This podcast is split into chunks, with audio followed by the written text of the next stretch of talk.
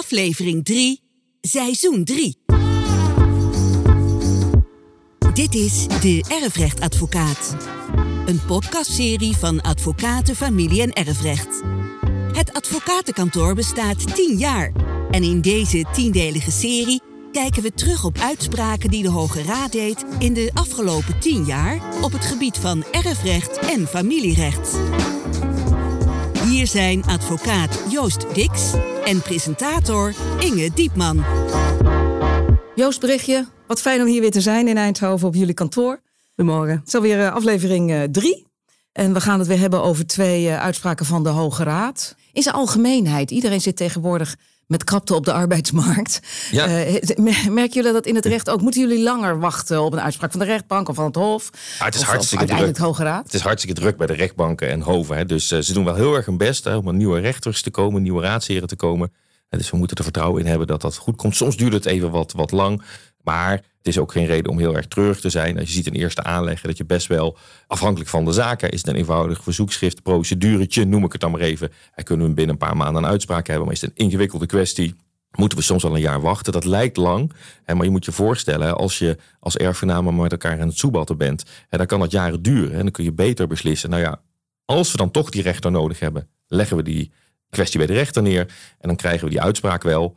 Bij de Hoge Raad kan het ook even duren, maar hè, vergis je niet, het is slechts een heel klein percentage. Ik heb geen exacte percentages hoor, maar die bij de Hoge Raad uiteindelijk terechtkomt. En wat weten, Hoge Raad is geen feitenrechter en gaat alleen nog maar over de regeltjes. Maar Brechtje, ik kan me voorstellen dat dat wachten, of dat nou een uitspraak van de rechtbank is of van het Hof, waar jullie dan merendeels mee te maken hebben met, met die rechtbank en het Hof, dat dat voor mensen die hier aan deze tafel zitten, in dit kantoor, soms best moeilijk is. Hè? Ja, dat kan, een soms, familie-erfrecht is toch ook veel emotie. ja, dat kan soms best lastig zijn. Maar je doet er, we doen er goed aan om dat gewoon ook te bespreken. Zodat mensen weten wat ze kunnen verwachten. En we gaan natuurlijk altijd kijken of die procedure wel noodzakelijk is. Hè? Of we het niet op een eerdere manier duidelijkheid kunnen krijgen door het overleg tussen partijen. Nou, wij doen het lekker in 15 minuten, hè, ongeveer. Twee uitspraken van de Hoge Raad. En we beginnen met het erfrecht en we gaan terug naar 24 juni 2016. De Hoge Raad en het erfrecht. We hebben een moeder die overlijdt, een broer en een zus die erven. En moeder heeft broer wel eens wat geld toegeschoven en daar is zus nu niet zo blij mee. Is dat heel kort door de bocht, datgene waar het om draait? Nou ja, en wel eens wat geld. Hè. Het ging in ieder geval op bedragen, daar 47.000 euro, daar 47.000. Dus er was, eh, was behoorlijk wat vermogen bij die broer terechtgekomen via Ja. moeder. Ja. En waar, waren dat echt ook schenkingen? Nou ja, dat was in ieder geval het etiket wat broer daaraan gaf. Waar de rest misschien ook wel van zei, misschien willen wij dat etiket schenking er ook wel aan geven. En waarom ze daar belang bij hadden, ja, daar komen we denk ik nog wel op. Ja, want eh, nog heel even, ik heb het eerder met jou in een podcast gehad over het feit, en toen ben ik best geschrokken, dat het toch nog wel veel voorkomt in Nederland, dat ouderen, nou, zwaar woord, maar misbruikt worden. Hè? Dus zonder dat ze echt heel helder kunnen denken, nou ja, geld aan iemand geven, ofwel vastleggen in het testament, of zo'n schenking doen. Dus vandaar mijn vraag een beetje. Ja, ik zie Brechtje knikken. Ja, dat klopt. Er zijn best behoorlijk wat ouderen die financieel misbruikt worden. Dat is dan een beetje de term die we daarvoor gebruiken. En dat komt op allerlei vlakken voor. Hoeveel, Joost? Nou ja, Vaak. kijk, als we het over het financieel oudermisbruik hebben, hè, dan hebben we het algemeen niet over van wat staat er nou in zo'n testament. Want daar is de notaris nog bij, hè, als de notaris tenminste goed, eh, goed oplet. Maar het financieel ouderenmisbruik hè, is, is op dit moment wel de meest gerapporteerde vorm van, van ouderenmisbruik. Ja, het zou gaan om 30.000 eh, ouderen die daarmee eh, mee te maken krijgen. hè. En 80% van die gevallen is financieel misbruik. Maar ik denk zelf hè, dat ja, het topje van de ijsberg dat is. Hè. We hebben hier bijvoorbeeld op kantoor een aantal collega's die fulltime bezig is met het terughalen van geld wat tijdens leven weggesluist is. En vaak zijn we daar niet op tijd bij, omdat het soms pas na het overlijden wordt ontdekt. Dus dan gaan we de nalatenschap vullen hè, met gelden die ontrokken zijn. En soms komen we er tijdens leven nog achter en dan moet dat geld ook terug. En dat kan gaan om een kind, maar het kan ook gaan om een buurman of buurvrouw die dan gelden naar zich toe trekken. En dan krijg je natuurlijk de vraag, wat is het etiket? Hè? Is het geld nou gestolen? Hè, dat noemen wij dan onrechtmatige daad. Ja, of zou je kunnen zeggen, ja, misschien kunnen we daar het etiket schenking wel opplakken, zoals in deze casus. Ja, dat is inderdaad in deze casus het geval. Waarschijnlijk zal broer zeggen het is een schenking. En zus zegt daar ben ik het niet mee eens. Nou ja, zus die zei hier, misschien heel slim, ik wil ook wel dat het een schenking is. Hoezo? Leg uit. Nou ja, kijk, die zus die zei, goh, ik heb eens heel goed in de wet gekeken. In artikel 176 boek 7, hè, dat gaat over de schenkingen. En ze zei, wat staat daar nou in? Daar staat in, als je een schenking doet aan iemand hè, en iemand anders, hè, dat kan degene zijn die die schenking heeft gedaan of de rechtsopvolgers. Ja, en die zegt, ja, maar volgens mij is deze schenking op grond van misbruik van omstandigheden terechtgekomen. Het is wel een schenking, maar volgens mij is er sprake van misbruik van omstandigheden. En Oftewel, mijn broer heeft mijn moeder gedwongen? Ja, of, of die kan zeggen, nou ja, kijk, misbruik van omstandigheden, dat klinkt in het spraakgebruik wat heftig. Maar juridisch bedoelen we daar eigenlijk iets anders mee. Bedoelen we daar eigenlijk mee, goh, je hebt een schenking aangenomen terwijl je eigenlijk wist, ja, dat klopt iets niet helemaal, of ik had het eigenlijk niet aan moeten nemen. Dat is eigenlijk wat er juridisch mee bedoeld wordt. Dus in spraakgebruik klinkt het wat heftiger. En als diegene, hè, dus diegene die de schenking gedaan heeft, of de rechtsopvolgers, kan zeggen, ik stel gewoon eens wat feitjes op grond waarvan er sprake zou van misbruik van omstandigheden. Bijvoorbeeld, ja, iemand was misschien een beetje in de war, of alleen, of zat in een verzorgingshuis, of was van hulp afhankelijk. Nou, noem maar wat omstandigheden. Als je dat stelt, zegt de Hoge Raad, dan hoef je dat niet te bewijzen.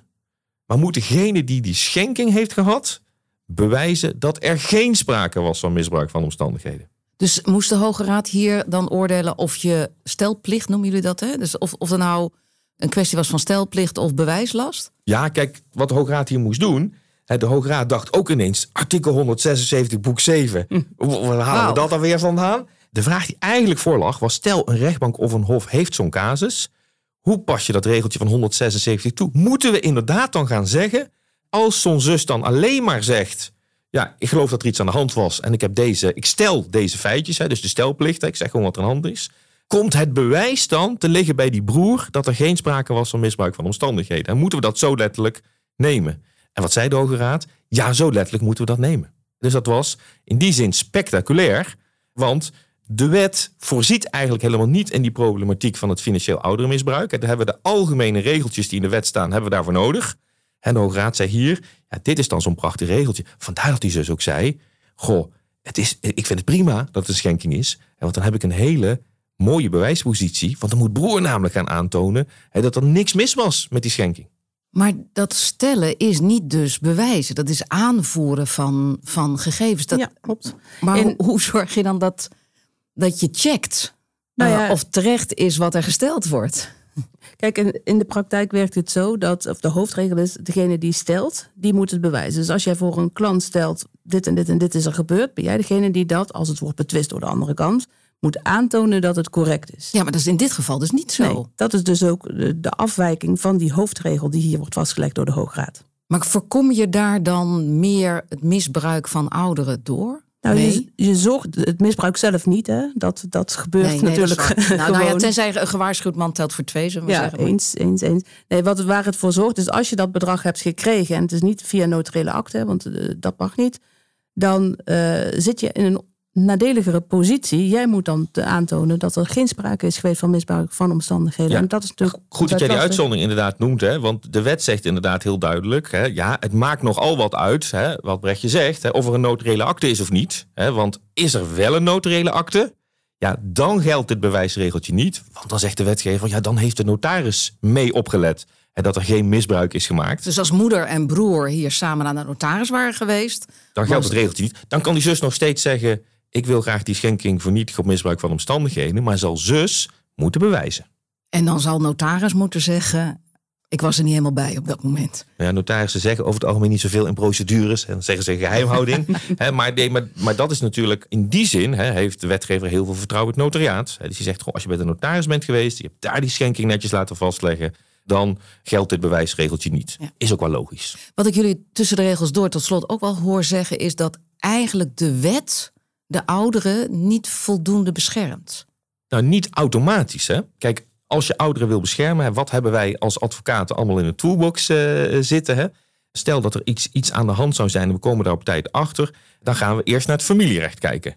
Dan gaan we kijken, goh, moet er een bewindvoerder komen? Hè? Een curator. Hè? Daar gaan we dan naar kijken. Bewind curatelen, hè? boek 1. Volgens mij gaan we het daar nog over hebben in de komende afleveringen. Hè? Dus daar ga je dan naar kijken. En misschien heeft de notaris ook al wel een levenstestament gemaakt.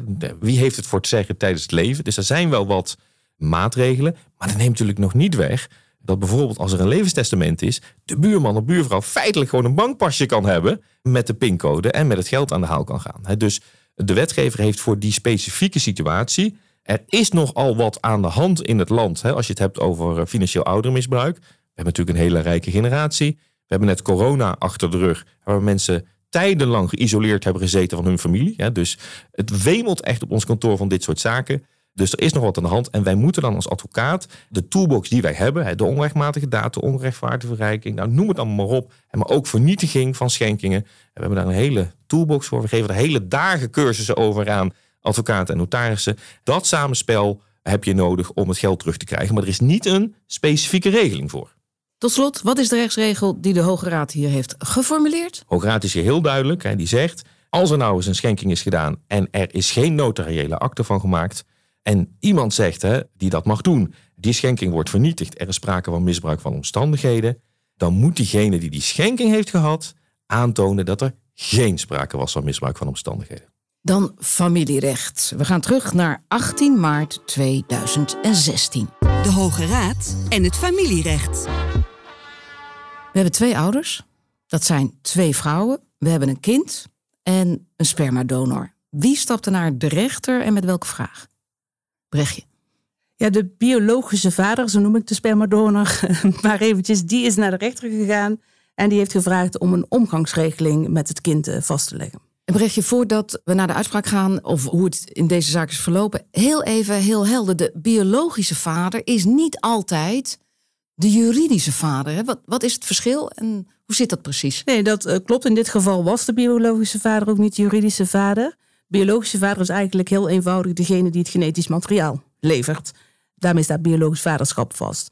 De juridische vader is een juridische term en wordt door de wet bepaald. En de juridische vader is voor de wet de vader van het kind. En dat kan de vader zijn waarmee de moeder getrouwd is, maar kan ook ontstaan door erkenning of de vaststelling van een vaderschap. En dat is het onderliggende argument om iemand een juridisch vader te noemen? Kijk, een biologische vader is het heel logisch, hè? Zou je denken. Ja. Dus het zou, zou, wettelijk, denk ik, heel makkelijk zijn om dat vast te leggen. Maar dat is dus niet zo. Nee. De wet kent de biologische vader niet eens. Hè? Als, de, als de wet heeft, het heeft over vader, ouder, ja, dat heeft over de juridische ouder. Eigenlijk wel bijzonder, hè? maar eigenlijk ook wel weer logisch. Maar waarom is dat dan logisch? Ja, even, even los. Want dat betekent dus dat je als biologische vader. Stel, je maakt een kind, moeder zegt toedeloe, neemt kind mee. Uh, en, en dan heb je dus wettelijk geen recht. Nou, ligt eraan of je. Kijk, laten we eerst even duidelijk zijn. Hè. Biologisch vaderschap en juridisch vaderschap loopt natuurlijk bijna altijd gelijk. Hè. Laten we dat in ieder geval even voorop stellen. Maar dat hoeft niet. Het hoeft niet. En dat komt een beetje voort uit het feit dat het vaak heel duidelijk is wie de moeder van het kind is. Dat is namelijk degene die het kind baart. Maar voor de vader ligt dat wat gecompliceerder. Nou ja, DNA. DNA-onderzoek zou zo kunnen zijn. Dan kun je biologisch vaderschap vaststellen. Maar wat nu als een eh, kind geboren wordt in een huwelijk van moeder en een man, dan ja, wordt er vanuit gegaan dat die man de vader is. Je kunt niet bij iedere geboorte een DNA-onderzoek gaan doen. Nee. Nu is het zo dat in dit geval die biologische vader in eerste instantie, geloof ik in het eerste levensjaar, contact had met het kind. Ja. Dat werd op een gegeven moment stopgezet. En dan gaat die vader naar de rechter en die wil omgang met het kind. Ja. En dan eh, is het van belang om inderdaad te zien dat het de biologische vader is en niet de juridische vader. Want de wet zegt een juridische vader heeft recht op omgang. Punt. Voor een biologische vader die dus voor de wet geen vader is, ligt dat iets gecompliceerder. Daar moet ook de nauwe persoonlijke betrekking, het family life, moet vaststaan. Dus er moet vaststaan dat er meer is gebeurd, zal ik maar even zeggen, dan het aanleveren van het sperma. En wat zegt de wet dan echt exact over family life? Want daar kan je natuurlijk van alles van vinden. Ja, die zegt, eh, de Nederlandse wet heeft het vooral over de nauwe persoonlijke betrekking. En dat betekent dat er bijvoorbeeld contactmomenten moeten zijn geweest. Dat de, de vader een band heeft met het kind. Ja, dat is in dit geval geloof ik zo, hè? Ja, door die contactmomenten die in het begin uh, hebben plaatsgevonden en de verdere betrokkenheid van vader, ja. Nou is uiteindelijk, Joost, datgene waar de Hoge Raad zich over moet uitspreken... niet zozeer de omgangsregeling. Nee, dat is eigenlijk toch dus wel een leg bijzonderheid. Me dat eens uit, hoe dit in deze zaak zit. Ja, nou ja, kijk, eigenlijk ging het over die omgangsregeling. Hè? Die, die meneer die zegt, goh, ja, ik, ik heb toch al uh, regelmatig contact gehad met het kind. En die casus lag eigenlijk voor. Hè? Hoe gaat het nou met die omgangsregeling? Maar toen kwam het eigenlijk naar voren dat de rechter zei van ja, moeten we ook niet iets aan statusvoorlichting gaan doen? En wat betekent dat dan? Ja, zeggen wie is de biologische vader? Voordat dat kind straks omgang heeft met een meneer. En dat kind weet eigenlijk helemaal niet wie die meneer is. Dus dat was eigenlijk een initiatief van de rechter. Want er staat daar iets over van uh, in de wet? Ja, in de, in bedoel, de je- wet, in het familierecht. dan? Ja, daar staat wel hè, dat een ouder een kind moet informeren over zijn afstamming. Hè, waarbij het natuurlijk ook nog zo is hè, dat de ouder in beginsel zelf hè, dat moment mag kiezen waarop hij dat doet. Maar zoals alles wat in de wet staat over kinderen, is het, eh, het belang van het kind gaat altijd voor. En hier werd dan ook gezegd, ja, als het kind is verwekt door een bekende spermadonor, ja, dan is het toch van belang dat het kind weet, als hij omgang heeft met die meneer, dat dat ook zijn vader is, hè, biologische vader. En een rechter kan daarom dus zelf bepalen dat dat kind statusvoorlichting eh, krijgt voordat die omgangsregeling ook daadwerkelijk plaatsvindt. Dan kun je zeggen hè, dat die uitspraak van die rechter hè, dan soms voor kan gaan op het recht van die ouders om het moment te bepalen waarop het kind die want informatie dat vroeg ik krijgt. me inderdaad af dan, Brechtje. Dus je verplicht dan de ouders om bekend te maken wie eh, de biologische vader is. Ja, dat klopt. Maar het gaat meer om het moment. Hè? Want de wet geeft de verplichting om die voorlichting te doen. En de rechter bepaalt in dit geval dat het moet gebeuren voordat die omgangsregeling start. Maar überhaupt die verplichting, dat is toch helemaal niet bekend bij de meeste mensen? Het gaat hier wel om een bekende spermadonor. Hè? Dat moeten we er wel bij zeggen. Hè? Dus het is helemaal bekend. Dat zal een vriend geweest zijn of zo, hè? wie dat is. We hebben natuurlijk het hier ook hè, over nou ja, het family life van 8 EVGM. Met een nauw persoonlijke betrekking. Hè, dus die vader, die biologische vader, was gewoon in dat leven van dat kind. En dan hè, moet je ook zeggen, ja, maar dan heeft dat kind ook recht op te weten wie die meneer nou eigenlijk is. Maar er is blijkbaar oneenigheid daarover. Dus blijkbaar willen die ouders dat niet, die twee moeders. En de vader wil het wel. In, in ieder geval was het zo dat die rechter zegt: als ik die regeling eh, bepaal, dan zeg ik hier zelf erbij statusvoorlichting geven. Hoe heeft de Hoge Raad bepaald? De Hoge Raad zegt, hè, dat is het regeltje, een rechter kan bepalen dat het kind statusvoorlichting krijgt voordat er omgang plaatsvindt. En op grond van welk artikel is dat? Ja, voor, dat is op de grond van- rechtsgeleerden onder ons. Ja, die zullen dan in artikel 247 gaan kijken hè, van boek 1 over eh, het- het informatierecht. Eh, maar hier ging het dan ook even om wat is de rol van de rechter. En dit is wat de Hoge Raad besliste. Zijn er veel zaken over spermadonoren, bekendmaking van eh, biologische vader, die jullie eh, bespreken aan deze tafel? Ja, dat komt toch wel met enige regelmaat eh, voor. Zeker als er kinderwensen zijn bij mensen van het gelijke geslacht. Of die eh, een relatie hebben met iemand van het gelijke geslacht. Zeker. Ja. En wat betekent dat deze, wat hebben jullie gemerkt? Want deze uitspraak is uit 2016. Ja, het betekent vooral ook in de voorlichting dat je eh, moet realiseren dat dit een vraag kan worden op het moment dat bijvoorbeeld de verhoudingen verslechteren. Want dan zie je vaak dat er van alles aan de hand is. Dat waren weer twee uitspraken van de Hoge Raad. Wat leuk, Brechtje, dat je tot drie keer toe bent aangeschoven. Ja, ik heb het heel erg leuk gevonden om, eh, om het mee te maken. Zo. Ja. Ja, maar was de komende- gezellig hè? Ja, de, ja, helaas moeten we de komende zeven weken het zonder haar eh, stellen. Brechtje, dankjewel. Je hebt eh, andere verplichtingen op dit tijdstip. Maar Joost, jou ga ik zien. Leuk, ik heb er heel veel zin in. De volgende keer ben ik er weer bij, hier in Eindhoven. Dank jullie wel, Joost en Brechtje.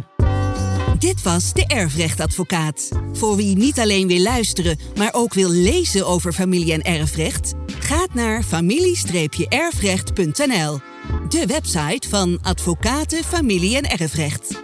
Daar is ook alle informatie te vinden over het inschakelen van een erfrecht- of familierechtadvocaat. Mocht u willen reageren op deze podcast, stuur dan een e-mail naar info@familie-erfrecht.nl.